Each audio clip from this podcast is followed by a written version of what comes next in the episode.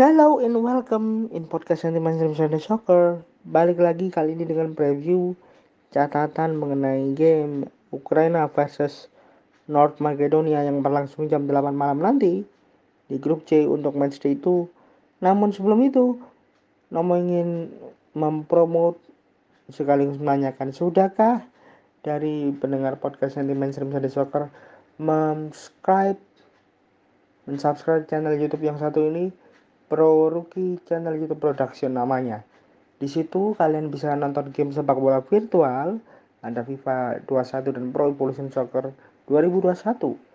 Like, share, comment, subscribe, nyalakan lonceng notifikasi itu juga perlu. Karena ini merupakan satu-satunya cara untuk kita bisa support channel Pro Rookie Production, channel yang dikelola oleh seorang Il Capitano. Tonton videonya sampai habis. Ini juga penting karena ini bisa meningkatkan jam tayang channel YouTube Pro Rookie agar bisa on target. Rasa terima kasih wajib kita aturkan dengan cara mendukung channel ini. Karena ini merupakan satu-satunya cara bagi kita untuk mengucapkan terima kasih bagi Il Capitano. Karena Senin sampai Jumat jam 12 sampai 3 sore beliau selalu menemani kita dan kita selalu mengirimkan cerita-cerita menarik di keyboard Susana melalui WhatsApp beliau. Oke, okay, let's go to the preview untuk Ukraina versus North Macedonia matchday 2 grup C. Laga kelima bagi kedua tim di semua ajang ini masih dimenangi secara mutlak oleh Ukraina dengan koleksi dua kemenangan di mana pada pertemuan terakhirnya Ukraina menang atas Makedonia Utara dengan skor 0-2 di laga kualifikasi Piala Eropa 2016 lalu yang digelar pada Oktober 2015. Dua gol masing-masing dicetak oleh Yevhen Selesnev dan Artem Kasnev. Laga antara Ukraina dan Makedonia Utara kali ini merupakan pertemuan perdana mereka di turnamen Akbar Ukraina tak terkalahkan dalam dua laga kompetitif terakhirnya melawan Makedonia Utara, di mana dua laga tersebut semuanya terjadi di babak kualifikasi Piala Eropa 2016 lalu. 1-0 di Ukraina dan 0-2 ketika tandang ke Makedonia Utara. Ukraina kali terakhir menelan dua kekalahan beruntun di babak fase grup, yakni di edisi Piala Eropa 2016 lalu saat Yellow and Blue tidak mengoleksi satupun kemenangan. Kalau tiga kali totalnya.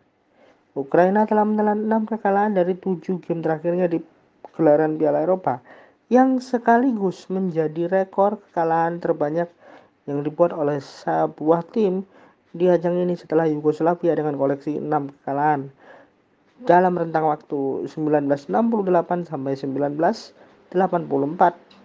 Ukraina memiliki persentase 86%. Persentase yang dimaksud ini adalah persentase kekalahan dari 6 kekalahan yang didapat dalam 7 game terakhirnya. Dan rekor itu pun jadi persentase kekalahan terburuk sebuah tim yang telah melakoni setidaknya 5 laga di ajang ini. Ukraina telah meraih satu kemenangan dari lautan terakhirnya ke Rumania mengingat game ini digelar di arena nasional Bukares. Ukraina telah menelan 4 kekalahan dari 10 game terakhirnya di semua ajang internasional. 4 gol Ukraina yang tercipta di ajang ini secara keseluruhan semuanya tercipta di babak kedua pasca membuat 37 peluang tanpa berbuah satu gol pun di babak pertama dan The Yellow and Blue jadi satu-satunya tim yang telah memainkan setidaknya lima laga yang selalu gagal mencetak gol di babak pertama. Ukraina telah mencetak 12 gol atau rata-rata 1,2 gol dari 10 laga terakhirnya di semua ajang. Ukraina telah kebobolan 15 gol atau rata-rata 1,5 gol dari 10 laga terakhirnya di semua ajang. Roman Yaremchuk telah mencetak 4 gol dari 10 laga terakhir The Blue and Yellow di semua ajang internasional. Makedonia adalah tim ke-35 di gelaran Euro ini tampil sebagai debutan. Makedonia belum pernah menelan kekalahan beruntun dengan margin 3 gol sejak takluk dari Polandia dengan skor 0-2 Oktober 2019. Dan The Lions pun belum pernah menelan kekalahan beruntun dengan margin 2 gol sejak tiga kekalahan beruntun antara rentang waktu Juni hingga September 2005. 6-1 menghadapi Republik Saska dan 3-0 serta 5-1 ketika bertemu Inggris. Makedonia tak pernah menang dalam tiga lawanan terakhirnya ke Rumania. Makedonia telah meraih 5 kemenangan dari 10 game terakhirnya di semua ajang internasional. Mereka juga mencetak 19 gol atau 1,8 gol dari 10 laga terakhirnya di semua ajang. Makedonia telah kebobolan 11 kali rata-rata 1,1 gol dari 10 laga terakhirnya di semua ajang. Alexander Trayovski, Elmas, dan Goran Pandev masing-masing telah mencetak 3 gol dari 10 laga terakhir Makedonia Utara di semua ajang internasional. Catatan khusus untuk kedua tim, kita mulai dari Ukraina terlebih dahulu. Ukraina berada di posisi ketiga klasmen grup C dengan koleksi 0 poin hasil kekalahan 3-2 dari Belanda di matchday pertama dan mereka sudah mencetak dua gol di pertandingan itu sayangnya kebobolan tiga kali di gelaran Piala Eropa kali ini. Ukraina telah mencetak 4 gol atau rata-rata 1 gol dari 4 game terakhirnya lawan Makedonia Utara di semua ajang. Ukraina tidak kebobolan satu gol pun dalam empat laga terakhirnya melawan Makedonia Utara di semua ajang. Sedangkan catatan khusus untuk Makedonia Utara berada di posisi juru kunci setelah kalah dari Austria 3-1.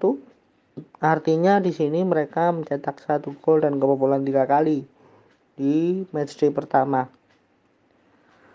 Makedonia Utara sendiri telah mencetak 4 gol atau rata-rata 1 gol dalam 4 laga terakhirnya melawan Ukraina. Ini sudah kebobolan 4 kali ya maksudnya. Goran Pandev adalah pemain tertua kedua di sepanjang sejarah turnamen Euro yang telah tampil dalam 30 laga di ajang ini secara keseluruhan. Goran Pandev 37 tahun usianya saat ini berpeluang menjadi pemain tertua yang mencetak gol secara beruntun di ajang ini setelah Rui Costa yang melakukannya bersama Portugal di edisi 2004 dengan usia 32 tahun 87 hari. Untuk coaches atau pelatih laga ini merupakan pertemuan perdana Andriy Shevchenko dan Igor Angelovski di semua ajang internasional.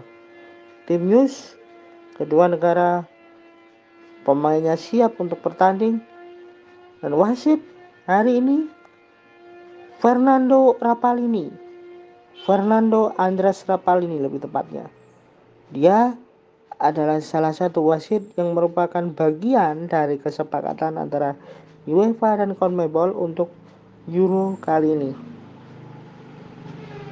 Karena ada satu kesepakatan di mana wasit yang berasal dari Amerika Latin akan terlibat di pertandingan Piala Eropa, sedangkan wasit yang berasal dari Eropa akan terlibat di pertandingan Copa America.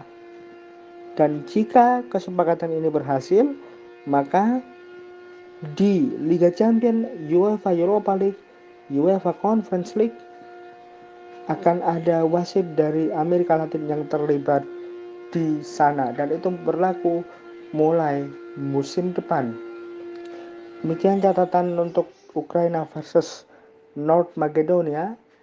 Sebelum mengakhiri catatan kali ini, Nomo mengingatkan sekali lagi, jangan lupa untuk like, share, comment, subscribe Pro Rookie YouTube channel production dan buat teman-teman pendengar podcast semuanya yang menunggu bagaimana review after game Semuanya ada di fanpage Facebook Gibol Respect. Semuanya ada di fanpage Facebook Gibol Respect untuk review after game Piala Eropa 2020.